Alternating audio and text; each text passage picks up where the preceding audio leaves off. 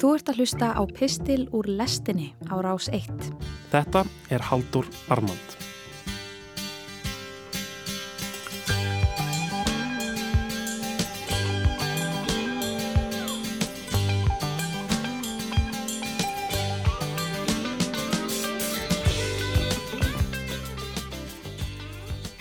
Ég nota þjónustu frá Google til að geima ljósmyndirinnar mínar og það gerist reglulega en að því verðist á handaháfskjandum augnablíkum að ég fæ upp á símaskjáin einhvers konar áskoranir frá þjónustunni um að skoða myndir frá tilteknum degi yfirleitt fyrir mörgum árum síðan.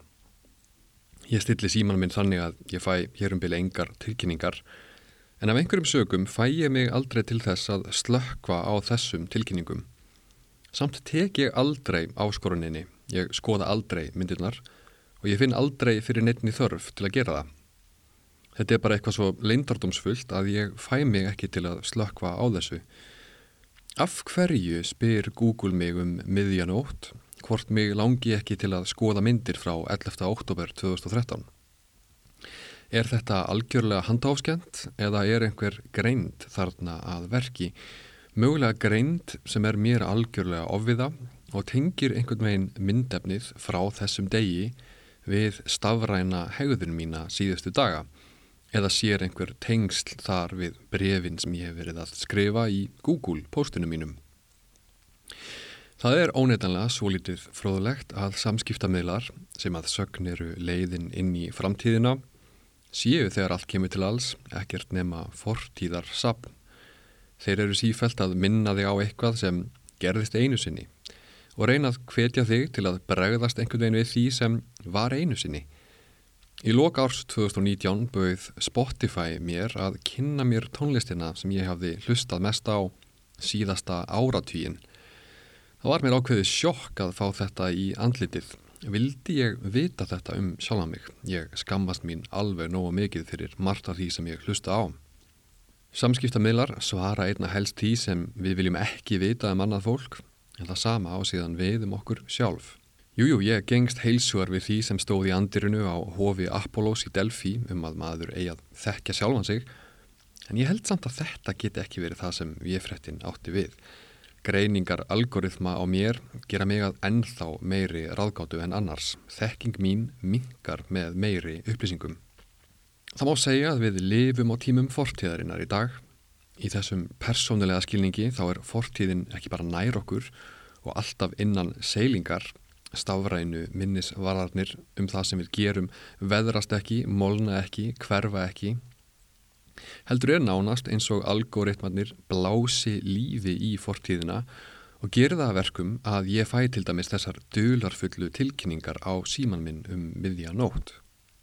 Svo það er ekki aðeins það að ég get alltaf fyllt mínum stafrænu fótsporum inn í vetrarland fortíðar til að virða fyrir mér landslaga minningana, heldur riðst fortíðin óum beðin inn í líf mitt. Hún er kvik, ég stjórna henni ekki, Fortíð mín er uppvakningur, einhvers konar bölfun sem eldri mig hvert sem er.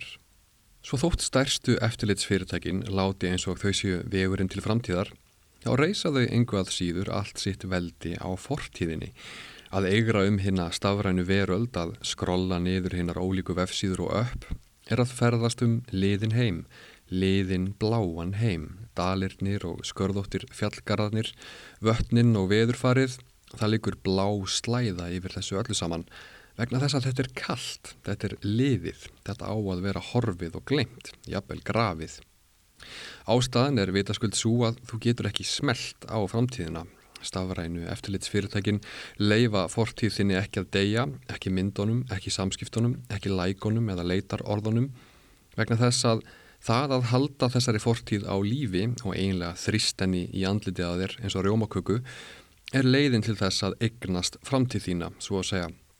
Selja öðrum fyrirtækjum spásagnir um það hvað þú ert líkleg eða líklegur til að bralla og vilja í framtíðinni út frá upplýsingum um fortíðina. En þetta er ekki bara heila leik fyrir mig um líðandi stund. Ég sé ekki betur en að þetta hafi raunverulega áhrif. Til dæmis held ég að þetta ástand sé það sem einna helst hefur leitt til stóru aðstóðarmanna væðingarinnar í stjórnmálum sem og þeirrar staðrindar að bladamenn kvarta nú sáran undan því að það er orðið hér um byl ómögulegt að fá ráðamenn til að ræða nokkur skapaðan hlut ofinbarlega án þess að það sé nokkur veginn búið að kortleggja það fyrirfram hvað verður rætt og hvernig. Þegar ég vann sem bladamadur með fram háskólanámi var þessi neyð að byrja. Maður gæti alltaf hringt beint í stjórnmálamenn af gamla skólanum og þeir voru skemmtilegir og viðræðu góðir en í auknum mæli fór maður að rekast á girðingar og múra þar sem aðstóðarmenn sátu eins og landamæraverðir með sjónauka í varfturnum og vildu fá að vita nákvæmlega fyrirfram hvað bladamadurinn hafði í huga og af hverju. Helst áttu spurningarnar að berast í tölvupósti. Þar með var allt sem þú getur kallað eðlilegt samtal og flæði tróðið niður rætt og öruglega og ef einhver svör fengust voru þau fyrir vikið yfirleitt steindauð og fyrirsjáanleg flatneskja. Þannig finnst manni oft að í dag sé helsta listin sem fólk í ábyrjandi stöðum þarf að ná tökum á að geta tjáð sig sem allra minnst með sem allra flestum orðum. Þetta er oft sagt um Angelu Merkel að stjórnspeki hennar grundvallist fyrst og fremst á þeim hæfileika að geta staðið fyrir framann mikrofón í heilt ár þúsund og talað og talað án þess að segja nokkur skapaðan hlut. Þetta er kannski ekkert nýtt, þögnin hefur eflaust meira og minna borgað sig síðan súmerar byrjuðu að meitla upplýsingar í leirtöblur fyrir 3500 árum síðan. En í heimi þar sem ekkert gleimist og ekkert hverfur, í heimi þar sem núið er algjörlega þrúað af fortíðinni, þá er vitaskuld miklu hættulegra að segja eitthvað en áður. Þetta er ótti sem ég finn fyrir sjálfur í þessum pislum hér. Ég sé fyrir mér að þeir verði ennþá aðgengilegir á vefur rúf eftir 50 ár og einhver muni grafa þá upp og draga þá inn í dagsljósið sem vitnisburð um það hvaða ægilegu viðhorf og orð þóttu viðtekinn og sjálfsögð árið 2020. Framtíðin gerir okkur öll siðlaus. Hefur þetta eða hefur þetta ekki einhver tengst við það hversu fortíðin skipar áhrifamikinn sess í alþjóða stjórnmálum? Um alla Evrópu hafa reysið upp stjórnmálarhefingar sem ekki aðeins hafa stefnumál sem aður hjælt að tilherðu sögubókum, heldur tala þær líka opinskátt um að fortíðin sé hinn eini sanni áfangastæður. Við eigum ekki að halda áfram heldur tilbaka til gullaldarinnar sem við livðum fyrir alþjóðavæðinguna. Make America Great Again er þetta þekktasta og kannski augljósasta dæmið um þetta. Slík pólitísk fortíðardýrkun hefur kannski aðeins minna sérst á Íslandi en ég held að það sé engin spurning að hún mun fara vaksandi á næstu misserum. Og þessi hugsun smitast frá stjórnmálum yfir á önnur svið þjóðfélagsins. Nú likur fyrir forsetta tilskipun í bandaríkjunum sem ber yfirskriftina Make Federal Buildings Beautiful Again eða Gerum ofinberrar byggingar fallegar aftur. Þessi tilskipun er byggð á því viðhorfi bandarísku ríkisstjórnarinnar að nýjar ofinbæra byggingar séu ljótar og að ástæða þess að þær séu ljótar sé vegna þess að þær séu nútímalegar. Byggingarnar séu svo ljótar að bandarísk alþýða njóti þess ekki að horfa þær, hvað þá vinna í þeim. Og hvernig eiga ofinbæra byggingar þá að vera? Jú, þar eiga að vera eins og þær voru þegar bandaríkin voru stopnuð, sem sagt byggðar í klassískum stíl. Þar eiga að líta út eins og rómversk hóf.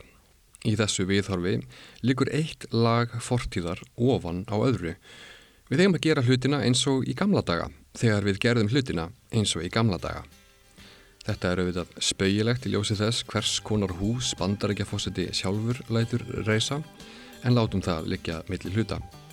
Já, fortíðin er snúin aftur. Fortíð þín og fortíð mín, fortíð ríkja og heimsvelda, fortíð fegurðar, lega og hugmynda.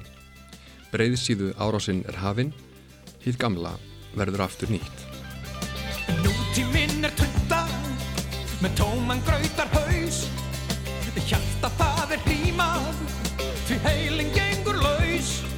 Hún er kennjótt eins og kráka, köflótt efni kjól, Kjarklaus eins og klerkur sem klifrar upp í stól. Mamma má ég sjá.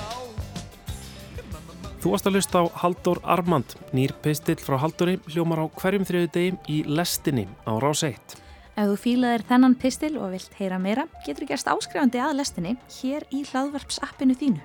Meðal annara umfyllunarefna í lestinni þessa vikuna voru Íslensk falsfrettasíða, ítalegt viðtal við Hildi Guðnadóttur, heimsbyggileg umræða um ástarmyndina Notebook og greining önnu Bjarkar Einarsdóttur á stjættastriði í nokkrum nýlegum kvikmyndum á borðið Parasite, Us og Midsommar. Allar þessar myndir fjalla um svona endurframleyslu samfélagsins í heilsinni og, og, og í raun og veru, eins og ég sagði aðan, kannski svolítið dökk mynd að því leiti til að fólkið innan kerfisins er rík fast og getur ekkert gert þess að færa sig til innan samfélagsins. Rás 1 fyrir forvitna.